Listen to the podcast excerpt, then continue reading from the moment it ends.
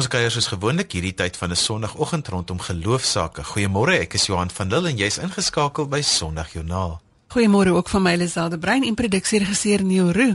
Ons is saam met jou vir die volgende 45 minute om te hoor hoe mense oor geloof gesels. Ons gesels vanoggend met Philip Hattinge, afgetrede geoloog oor tyd en ruimte en hoe ons as gelowiges rentmeesters moet wees van die omgewing. Ons gesels ook met Liesel Krause Wit oor die rotine van stil word en Jan de Tooy, 'n boer van die Wes-Kaap, deel met ons sy hart oor die toestande op die plase hier.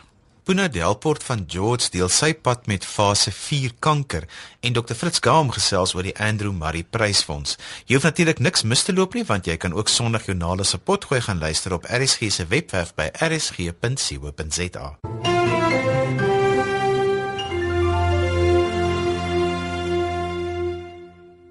Ons het die afgelope paar weke gesels oor ruimte en die spirituele waarde van stil word in 'n bepaalde ruimte en Philip Hatting is 'n afgetrede geograaf en vanoggend sluit hy telefonies by ons aan om die gesprek voort te sit. Goeiemôre Philip. Hallo, Zel, hoe gaan dit daar? Dit gaan met my baie goed, dankie Philip. John Levinson skryf dat geografie eintlik net die visuele vorm van teologie is. Help ons om hierdie stelling beter te verstaan. Ek dink dit is belangrik dat 'n mens net een of twee konsepte bietjie duideliker stel sodat die toehoorders kan hoor presies wat aangaan. Die eerste ding wil ek net vinnig sê oor wat is geografie, want dis nie met die ou aardrykskunde wat ons op skool gehad het nie. Geografie is eintlik die studie van die interaksie en die interafhanklikheid van verhoudings van die mens en die mensdom binne sy tyd-ruimte omgewing. Dis eintlik wat dit is. So dit omhels omtrent alles waar waarmee die mens te doen het en waarmee hy verhoudings het. En in die tweede plek wil ek net baie vinnig praat oor tyd. In die sin dat gisters die verlede, dis eintlik verby en dit kan 'n mens nie verander nie. Ons leef eintlik in die nou wat maar 'n baie kort tydjie is en daar moet ons eintlik sorg dat ons regtig in daardie teenswoordige tyd leef. En in die derde plek, dit wat voor lê, die toekoms, is nie vas nie, maar tog kan ons meewerk om vorm te gee aan dit wat gaan gebeur en dit wat tot stand kom. En dan die derde begrip net vinnig is die van ruimte. Nou die ruimte waarvan ek praat is eintlik die meetbare fisiese of geografiese ruimte, byvoorbeeld 'n mens se huis of tuin of heelal die heelal in elk geval dit strek dus baie wyd. En die belangrikheid is is dat ruimte bestaan nie los tyd nie. Daarom verkies ek dikwels om die begrip net ruimte tyd te, te gebruik en dit selfs as een woord te skryf. En daardie uh, ruimte waarin ons dan leef, die tydruimte, is eintlik ook die omgewing, ons leefruimte. En dit is wat ons in gedagte moet hou wanneer ons as gelowiges na hierdie begrippe van ruimte en tyd wil kyk. Hoe behoort ons in ons omgewing as Christene vandag te leef? Nou nou die eerste een is ek dink alle mense het iets wat 'n mens noem die leefwêreld of dan wat baie keer gebruik die mense die woord 'n mens 'n uh, wêreldbeeld in Engels the world view ek self verkies die konsep kosmiese beeld omdat dit alles omvattend is en dis eintlik die dink en doen raamwerk waarbinne ons as mense funksioneer dis daar binne wat ons gelowe uitlewe uh, daar binne wat ons onsself vestig en ons aktiwiteite soos landboubedryf en dis meer. Maar daardie dink en doen raamwerk bestaan uit 'n paar elemente. En die eerste een is wat ons in gedagte moet hou is wat gaan in 'n mens se kop aan? Waar waaraan klou jy vas? Uh jy wat is jou filosofie, jou godsdienst, jou jou begrip uh, uh van van wie jy is en wat jy is? Dit word daar eerstens bepaal in 'n mens se kop.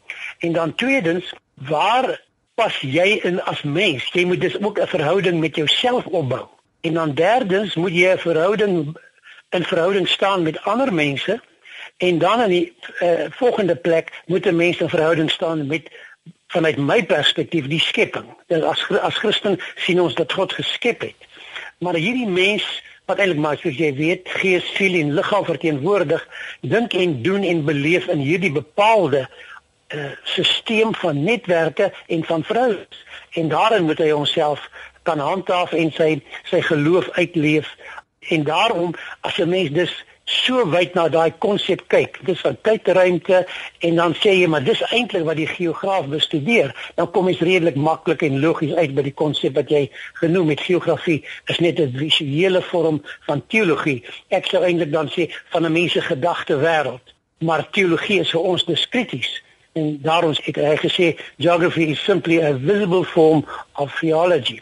Ons moet ons dan die vraag afvra, hoe as Christen gelowiges moet ons dit doen? Want dit moet definitief verskil van mense wat anders dink as wat ons dink. En daar is die basis vir my altyd die samevatting van die Ou en die Nuwe Testament. Maar ons kyk ook na die Ou Testament vanuit die Nuwe Testament. Dit is daar waar ons dis ons geloof uitleef, dis daar wat ons in terme van ons kennis wat ons het, uh, dinge uitpluis is daar wat ons ons verstaan van hierdie dinge en dan laaste ons ons wysheid. So ek maak die onderskeid tussen kennis wat feite is, begrip wat beteken verstaan en wysheid wat beteken hoe 'n mens jou kennis en begrip toepas. En dis waar 'n mens dan beoordeel wat is goed en wat is sleg, wat is reg, wat is verkeerd. En dan vind ek in Hebreërs vir my 'n baie goeie definisie van wat 'n mens is as jy 'n volwasse gelowige is. Jy moet kan onderskei tussen wat sleg en verkeerd is of goed en goed en kwaad en dan moet jy die goeie doen. So dit dit strek dus die onderskeide wat 'n mens tref in jou verhoudings en dan dit wat die logiese slotsom daarvan is. Nou as ek dan min of meer die die einde wil sê, wil ek sê dat as 'n mens leef in ons en ons almal leef binne hierdie tydruimte of omgewingskapsule, uh, en ons het sekere beskouings en vir ons as gelowiges is die woord van God die lig wat wat ons gebruik om ons pad daardeur te vind.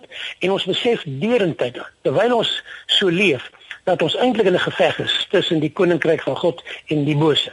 En dit gebeur of ons nou by ons huise is of op skool binne ons werksplek wanneer ons deel is van 'n optog om teen iets te proteseer, klimaatsverandering, droogte toestande, gebrekkige dienslewering, al hierdie goed wat om ons gebeur, soms is daar ons daar self voor verantwoordelik. Ek as individu, maar ander kere gebeur goed met my en ek het geen beheer daaroor nie, maar nou moet ek nog steeds um, daar binne leef en daarom is vir my die kritiese vraag wat ek eintlik vir myself vra is, hoe groot is die gaping tussen wat ek sê ek glo dis my kostiese beeld en wat ek dink en doen en in my lewensruimte waarvoor ek alleen verantwoordelik is en rekenskap sal moet gee God die skepper van alles. Maar ons moenie vergeet nie ons lewe deur die gees.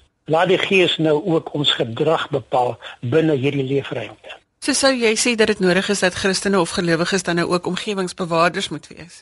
Ek dink nie dis nodig nie ek dink dis noodsaaklik dis 'n vryste want God het geskep So dis as ons enigsins na die wat om ons is kyk, of dit nou die natuur is of dit wat ander mense geskep het en wat bestaan, is dit krities belangrik dat ons daarna kyk vanuit 'n bewaringsoogpunt uit en hoe ons dit hanteer, want want dis die opdrag wat hy vir die mensdom gegee het. Terwyl ek as gelowige moet nou leef volgens die skrif van nee, ons ken die die, die groot gebod uh, van God lief hê en ons naaste lief hê soos wat ons onsself lief hê, maar binne daardie hele konsep is dit krities noodsaaklik dat elke gelowige by sy huis, in sy tuin, as hy op reis is, waar hy ook al mag wees, omgewingsbewus is en noodwendig is omgewingsbewaring handhaaf as 'n uitgangspunt want dit is die, in daardie verhoudings wêreld waar binne hy eintlik leef. Baie dankie Philip vir die saamgesels vanoggend. Dis 'n plesier, 'n voorreg. Dankie. Lisel het gesels met Philip Hattinge, afgetrede geoloog oor gelowiges se interaksie met tyd en ruimte. Verlede week het ons met Strydom van 'n Merwe gesels en luisteraars het gevra vir 'n foto van sy kuns. Ons het een of twee van die fotos op Sondagjoernaal se Facebook bladsy gelaai. Jy kan daarby ons aansluit ook vir inligting oor ons gaste en onderwerpe wat so teen donderdagmiddag gelaai word. Goeiemôre as jy sopas ingeskakel het jy luister na Sondagjoernaal met Johan en Lisel. Liesel Krause wie is predikant in Gauteng en sy sluit vanoggend by ons aan om te fokus op stil word. Goeiemôre Liesel. Hallo Lisel, 'n voorreg om met jou te gesels. Liesel, ons het verlede week gefokus op die belangrikheid van woorde en kommunikasie en ons het ook geraak aan stil word en dat dit 'n gesprek op sy eie is. So help ons vanoggend om te verstaan hoekom die eerste 5 of 10 minute van jou dag die belangrikste tyd is om stilte te hou. Kyk, ek dink nie die eerste 5 minute is nou noodwendig. Daar's nie 'n reël wat sê mens moet nou daai eerste 5 minute van jou dag stil word nie. Wat ek met die eerste 5 app probeer doen, dit is om te sê jou eerste kwaliteit 5 minute. Dalk is dit die eerste 5 minute wat jy opstaan in die oggend en dalk in jou tuin sit en jou koppie koffie drink of dalk is daai eerste 5 minute wanneer jou kinders uit die huis uit is op pad skool toe. Ek weet hiersof tussen 06:30 en 7:00 in ons huis is dit chaos en die oomblik as die kinders nou op pad skool toe is dan sit asof daar so vrede en rustigheid oor die huis sak. En dalk is dit jou eerste 5 minute wat jy kwaliteit aandag aan God kan gee. Of dalk is dit laat aand. Dit ons fokus so op ons beroepe en ons fokus so uh met ons stokperdjies en om op Facebook te gaan of uh, met ons kinders of met ons huwelike. Kom ons spandeer ook gefokusde tyd aan die Here. En die feit is ons is so besig en dit gaan nie verander nie. Uh ek kan nie glo dit sal April maand nie. Die dit voel of die maande met ons weghardloop. Uh dit, dit gaan nie verander nie. Ons omstandighede gaan nie verander nie. So wat moet verander? Ons moet verander. Ons moet kies om tyd te maak.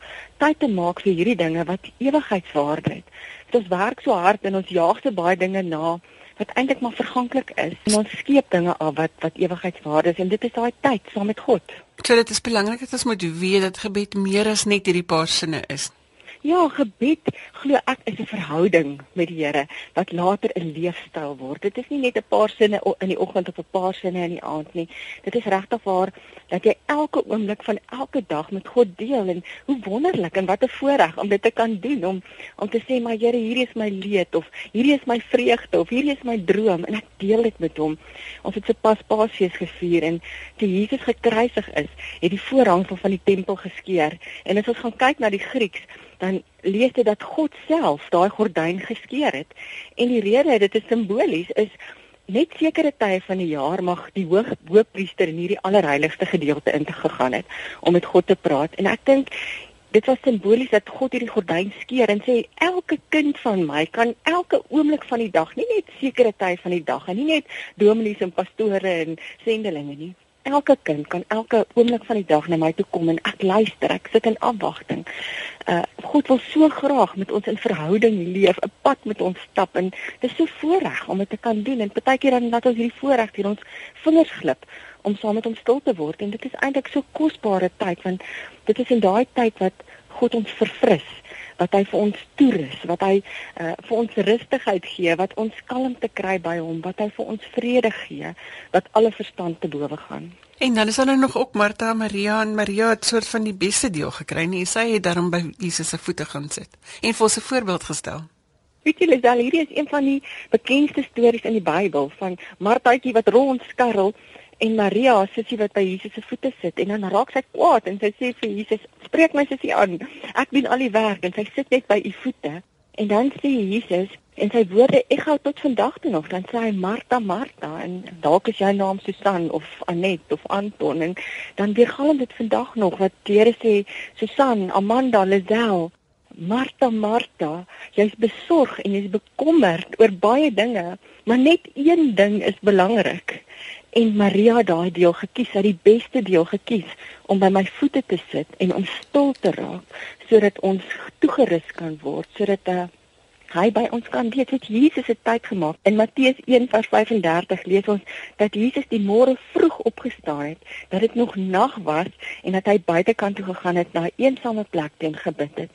En dit is ons leermeester, ons Here, so ons leer by hom en, en hy het tyd gemaak vir God. Iemand het eendag gesê as ons nie tyd maak vir God en tyd maak vir mekaar nie, gaan ons later ook nie meer tyd hê vir God en tyd hê vir mekaar nie. En dit is so 'n kosbare tyd, daai stil word vir die Here. En weer eens, ehm um, weet ek sit voor my rekenaar baie keer en dink ek ek gaan nou stil raak vir die Here en dan kom maar 'n belangrike e-pos in en dink ek gaan net gou hierdie e-pos antwoord. En dan kom maar nog een aan en, en voor ek sien is die helfte van die dag verby. So ons is so besig maar wat nie verander is is ons en dan kan daar 'n storm om jou wees. Jou lewe kan in chaos wees. Jy kan so besig wees, maar daai storm kom nie binne in jou nie.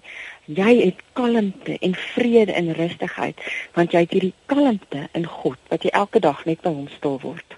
En nou is dit dan ook nog so diesel dat ons net moet onthou dat gebed kan soms onmiddellik goed verander, maar nie altyd nie. Dit vat soms tyd, nê. Ja, baie keer dan dan dink mens mens nou hierdie gebedsknoppie druk en dan is dit amper soos Google, dan moet God nou al die antwoorde uitspoeg of ons lees leef in hierdie kit samelewing van kitsbanke en kits restaurante. Ons stop by by 'n ry deurwinkel en ons koop vinnige hoender, ons hoef nie daai hoender te vang en te slag en te braai nie. So ons is so gewoond aan hierdie kits samelewing en dan dink ons dit ons moet met God, ons moet net op daai gebedsknoppie druk en dan moet dan moet God nou spring en God is bo tyd en onder tyd en rondom tyd en sy tyd is die volmaakte tyd en en dit is nie hoe hy werk nie. En ja, baie keer antwoord hy onmiddellik daai gebed. Maar baie keer dan dan sê hy wag 'n bietjie. En daai Lisel is so kosbare tyd en ek het dit nou in my lewe ook weer vir 'n paar maande beleef. Daai wagtyd, daai afwagtingstyd want in daai tyd is God besig om met ons te werk. Jy weet God is baie meer geïnteresseerd om ons te verander as om ons omstandighede te verander dan leer hy vir ons kosbare lesse. En daai tyd wat ons wag op God se uitkoms, weet dan is hy besig om ons te vorm soos wat 'n pottebakker 'n stuk klei vorm. Is hy besig om ons denke te vernuwe en ons te verander. Weet dalk sit jy nou en wag vir finansiële uitkomste. Ek weet nie wat dit is wat jy verwag nie. Maar in daai afwagtingstyd leer God vir mens lesse, weet dan maak hy jou so half bietjie los van al hierdie goed, al hierdie staf wat ons dink ons het nodig en weet hierdie finansiële goederes en dan en dan begin jy besef maar dit is goed wat nie ewigheidswaarde het nie. En hy leer vir daai lesse, hy's besig om jou voor te berei vir daai uitkoms wat hy vir jou gaan gee. So ja, gebed verander soms nie dadelik my omstandighede nie, maar dit verander my en dit was 'n ou pragtige staaltjie wat vertel van hierdie monnik en hy was deel van hierdie klooster en hy het 'n belangrike werk gehad in die kombuis en hy het toe vir 'n week lank homself afgesonder om te gaan bid. En toe hy terugkom dis die hele klooster kwaad vir hom en sê van waar was jy? En en hy sê maar hy het gaan bid. Hulle sê ag maar jy het nou gaan bid, maar jy lyk nie eers anders nie. Die plek was in chaos toe jy nie hier was nie. En jy lyk nie eers anders. En toe sê hy Maar weet julle wat? Julle lyk anders. Nadat ek gebid het, lyk julle anders. En dit is wat gebeur wanneer ons bid. God is besig met ons. Baie keer sê mense vir my, weet jy Lisa, ek dink God het van my vergeet. En dan verseker ek hulle dat op 'n tyd gaan jy terugkyk oor jou lewe en jy gaan sien, maar in daai tyd wat jy gedink het God het jou vergeet, was hy al die tyd met jou besig. Was hy agter die skerms besig om jou te vorm, om jou gereed te maak, om vir jou kosbare lesse te leer, om jou nader aan hom te trek. Liesel, jy het so vinnig genoem van 'n app. Dit is 'n toepassing wat jy op jou selfoon aflaai en dan elke oggend of watter tyd jy 'n wekkertjie in, dis so oulik Lisel, dan stel jy dit. Ek het my wekkertjie byvoorbeeld vir 7:00 in die oggende gestel want dan weet ek nou as die kinders uit die huis het en se rustig, dan sê jou boodskap jou selfoon vir jou. Hier's 'n teksvers en jy lees die teksvers, maar dit is 'n lekker manier om tyd te maak vir God. Die belangrikste is dat daar 'n rotine moet wees en verkeer heeltyd en almekaar in gesprek met God. Liesel baie dankie dat jy saamgesels het vanoggend. Dit was 'n groot voorreg. Dankie Lisel en seën vir julle. Lisel het gesels met Liesel Krause Wit. Liesel se e-pos is liesel l i e s e l @krause k r a u s e.co.za. Ons gesels geloofsaake tot en met die 8 uur nuus vanoggend.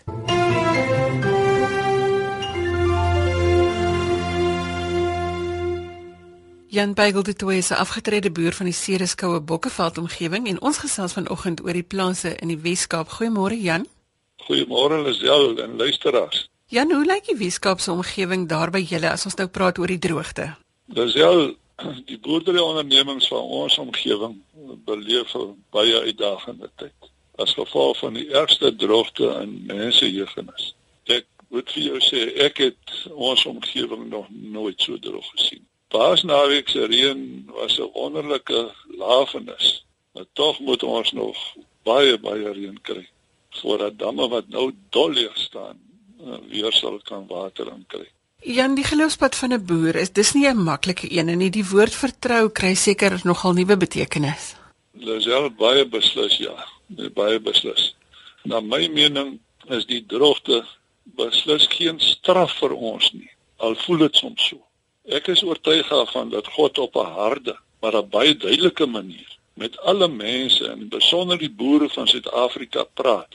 En ek hoop ons sal luister en verstaan. Hy wil beslis vir ons nader aan hom. Ja, hy, hy wil vir ons by hom hê. En ek sien hierdie as 'n metode om daardie doel van hom te bereik.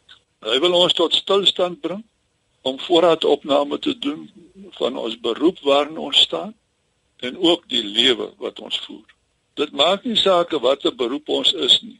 Die hemelse Vader wil soms as ek nou die rugby terme kan gebruik, soms wil hy halftyd hou met ons sodat ons elkeen oor ons eie gameplan ja ons verhouding met hom kan besin en nadink en verander en aanpas waar dit nodig is. Jan, dit gebeur so dat dit nie net die boere is wat swaar trek nie, die mense op die plaas trek ook daarmee saam.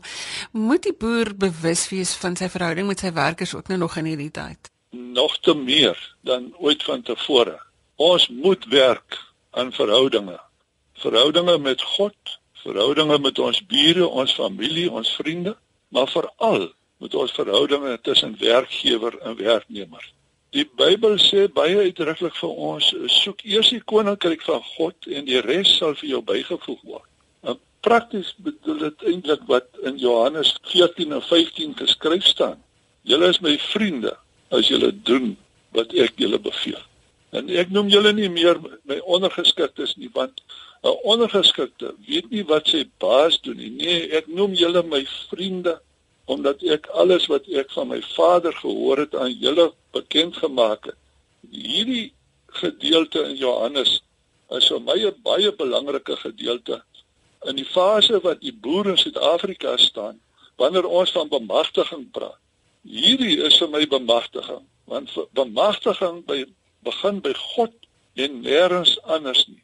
Ons moet ons werkers bemagtig met God want wat gebeur nou?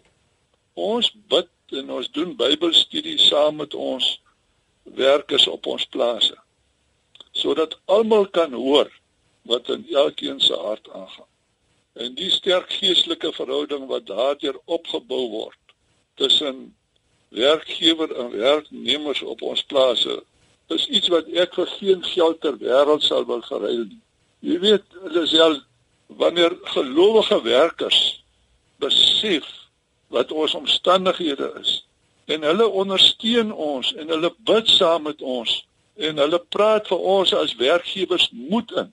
Dit dit maak my liries en dit maak my gesterker gemotiveerd om die harde omstandighede waaronder ons tans verkeer te kan nie net verwerk nie maar ook te kan uithou en wanneer ons hierdie verhoudings in plek het kan ons staat maak na my mening op God se beloftes hoe dat hy die droogtes met ons sal hanteer. Want hy sê tog vir ons uitdruklik in sy woord.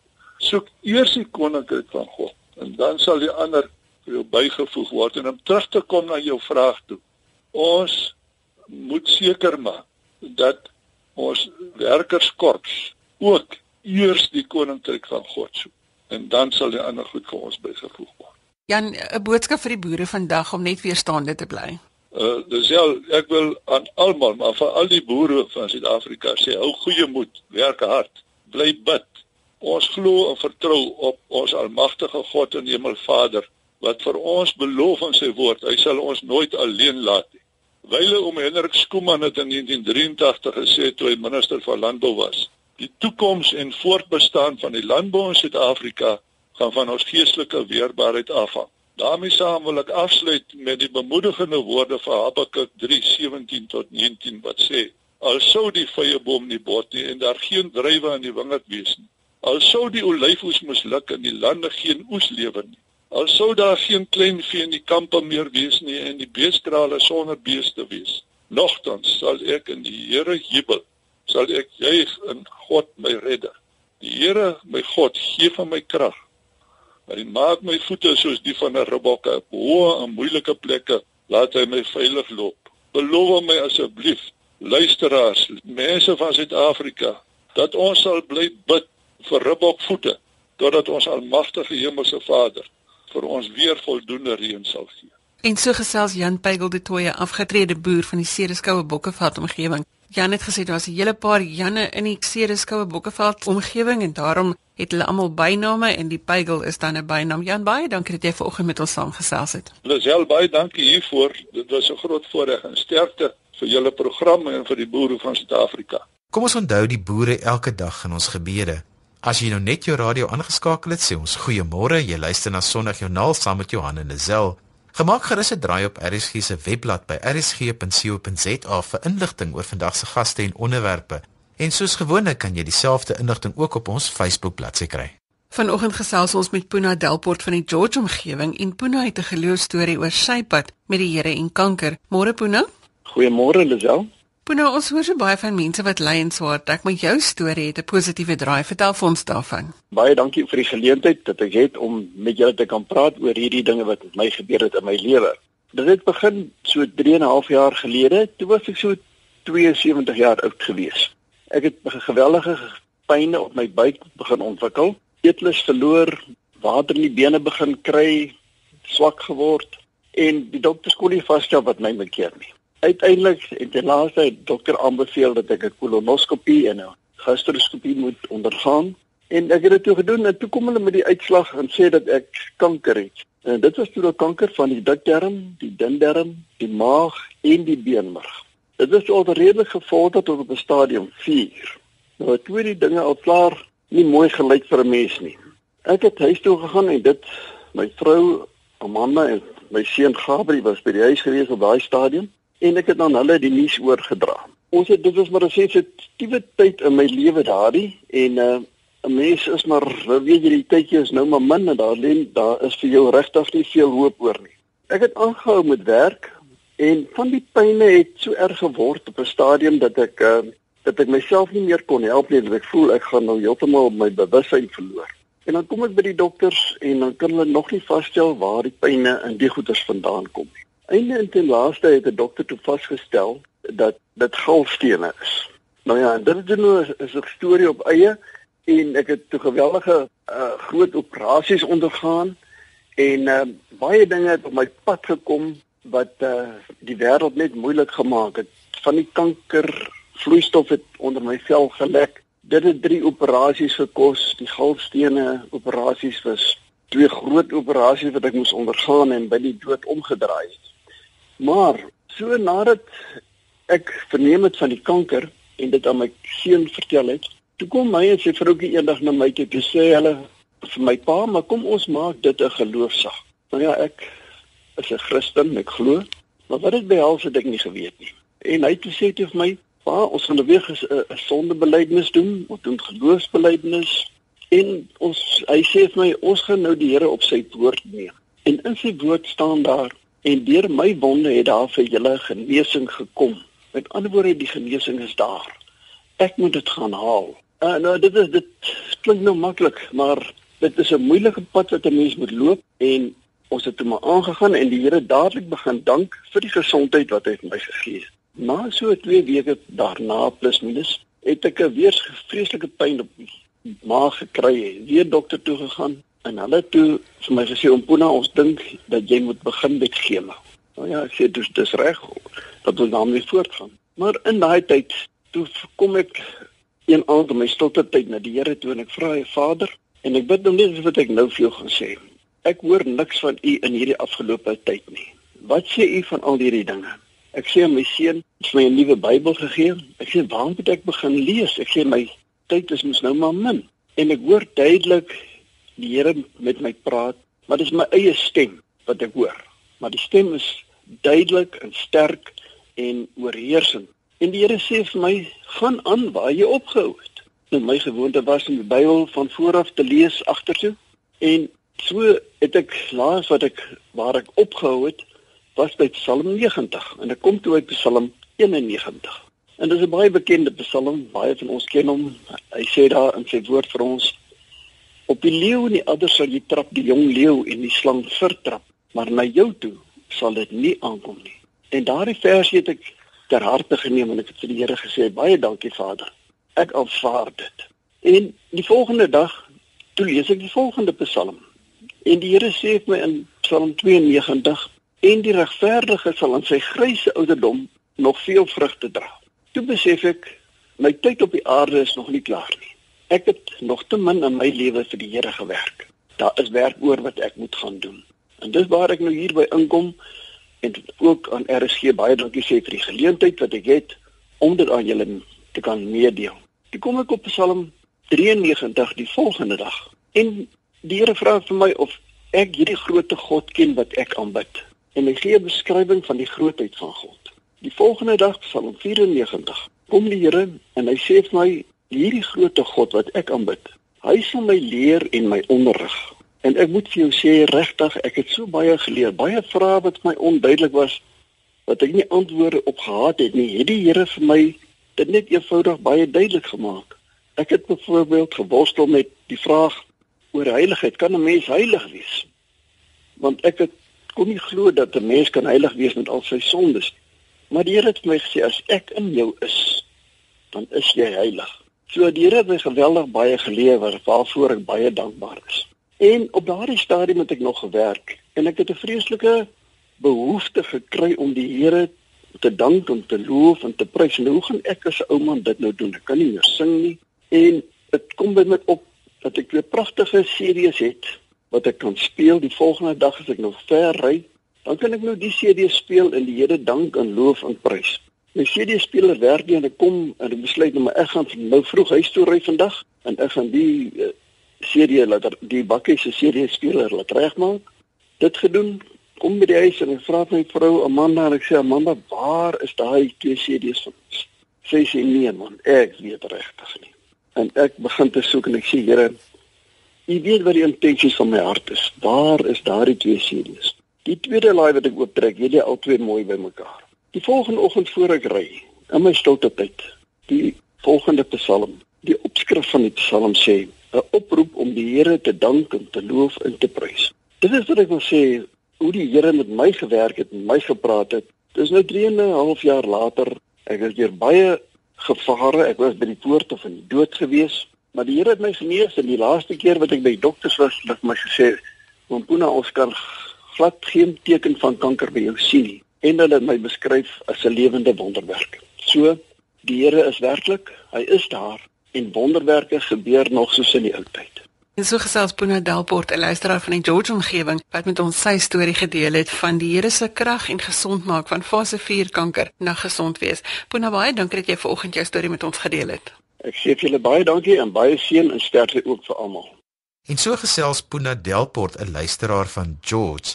Jy's ingeskakel op Sondagjoernaal waar ons godsdiens en geloof gesels en ons nooi jou uit om saam te gesels op ons SMS-lyn by 34024 teen 'n rand per SMS of jy kan vir Lazelle 'n e-pos stuur met jou storie by lazelle@wwmedia.co.za. Lazelle met 'n Z en dis wwmedia.co.za.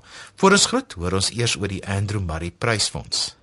Die Andrew Murray Prysfonds wenners is hierdie week bekend gemaak en die voorsitter van die Prysfonds, Dr. Fritz Kam, sluit vanoggend by ons aan om hieroor te gesels. Goeiemôre Fritz. Hallo Lisel. Fritz, verduidelik vir ons hoe werk die Andrew Murray Prysfonds? Lisel, die Andrew Murray Prysfonds het in 1978 ontstaan toe die 150ste herdenking plaasgevind het van Andrew Murray se geboortedag. Hy was een van die vrugbaarste skrywers wat geestelike en teologiese boeke betref En sy boeke word nog altyd gelees en dit word nog altyd herdruk. So dit is 'n merkwaardige feit dat Andrew Murray een van die groot skrywers was in die geskiedenis van die NG Kerk en selfs van die Suid-Afrikaanse kerke. Daarom is die prys toe na hom vernoem en dis die eerste keer toegekend in 1980. Dit was aanvanklik dan nou net bedoel en dit is nog steeds so, bedoel vir Afrikaanse Christelike en teologiese boeke. 1980, die eerste toekenning was aan Ferdinand Duist vir sy boek oor gebed juis uh, tussen angs en sekerheid.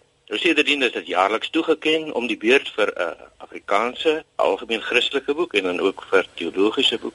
En nou ja, met die tyd is daar besef maar dit kan nie net vir Afrikaanse boeke so 'n prys toekenning wees nie en daarom is die Andrew Murray Desmond Tutu prys met die tyd ingestel.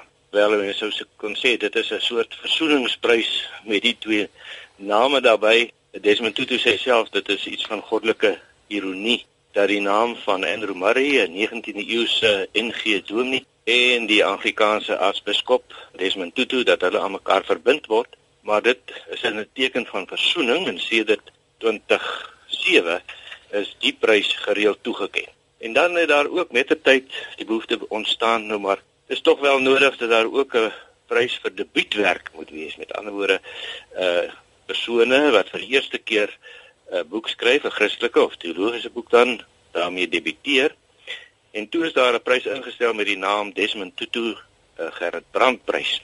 ook so 'n soort versoeningsprys want Gerrit Brandt is die vroeë gestorwe teoloog en boekredakteur en daarom is die prys toe nou ook ingestel en word dit nou gereeld toegeken. So dit is die pryse, dan is daar ook toekennings. Twee toekennings op die oomblik. Die ene is die eerste keer dat 'n uh, Andrew Murray FAK toekenning gemaak word vir die bevordering van Christelike musiek en die prys word geborg deur die FAK. Dit was in die verlede hulle FAK musiekbeurs en dit is nou omgeskep in die toekenning wat nou van van jaar af jaarliks gemaak word.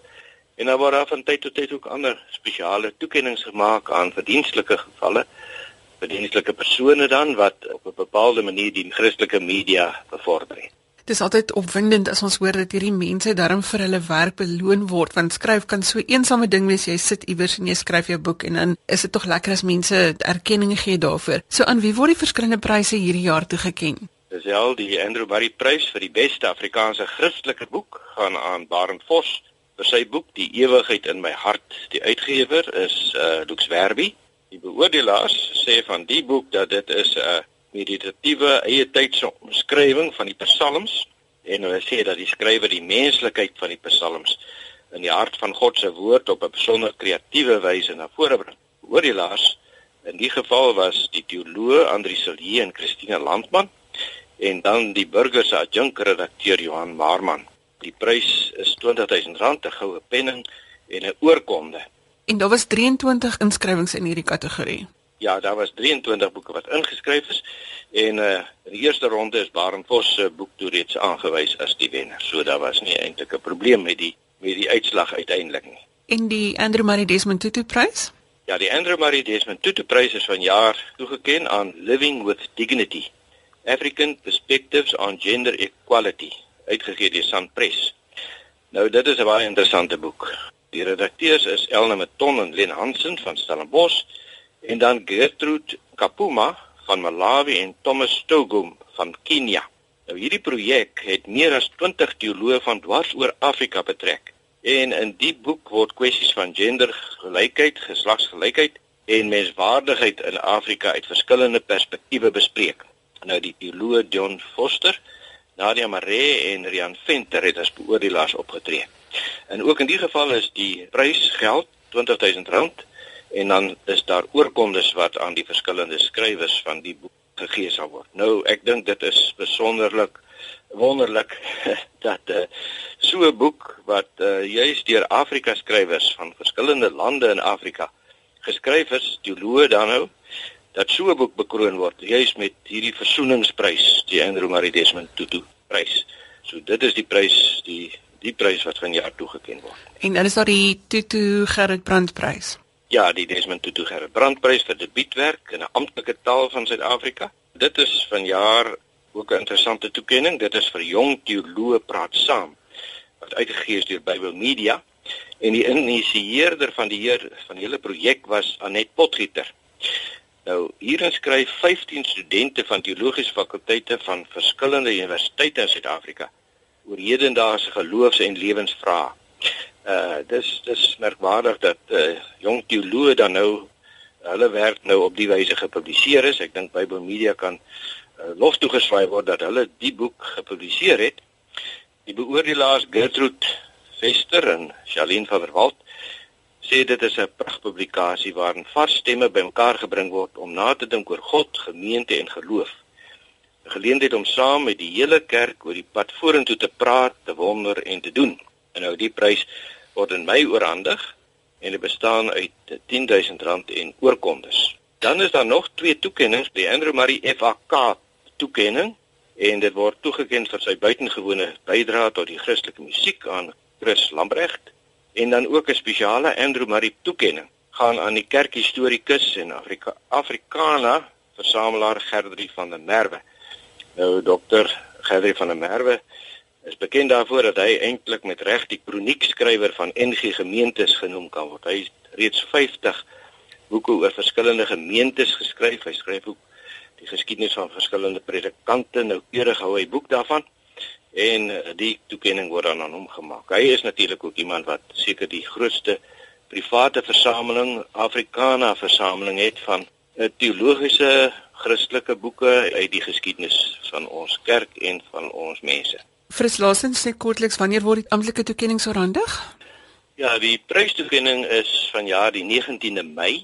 Dit sal in Stellenbosch wees by die teologiese fakulteit daarso en dit is 'n aanfunksie. Die volgende dag, die 20ste, is daar 'n geleentheid wanneer ons het jaarliks so 'n gesprek, die Andrew Marie Desmond Tutu gesprek van die wenners oor 'n interessante onderwerp en dit sal ook interessant wees juis vir vir mense wat dan op Stellenbosch is, wat etensy daar is en kan kom luister na die gesprek. So dit is dan nou die oorhandigingsgeleenthede van jaar. Ek het gesels met Dr Fritz Kam en ons sê baie geluk aan die wenners ook van ons kant af vir die Andrew Murray Prysfonds. Dankie Fritz vir die saamgesels vanoggend. Dankie Lisel. En daarmee het alweer tyd geword om tot sins te sê. Ek groet tot later vandag wanneer ek weer agter die mikrofoon inskuif vir ons in die onderwys. Net hierna natuurlik die 8 uur nuus van my Johan van Dil. Totsiens. Jy kan vir my e-pos met kommentaar of as jy 'n geloostorie met ons wil deel by Lazel L E Z E L L E by www.media.co.za of jy kan ook vir ons 'n boodskap stuur deur RSG se webwerf by rsg.co.za. Ek groet tot volgende Sondag ook namens produksieregisseur Neil Roo. Tot dan, totsiens.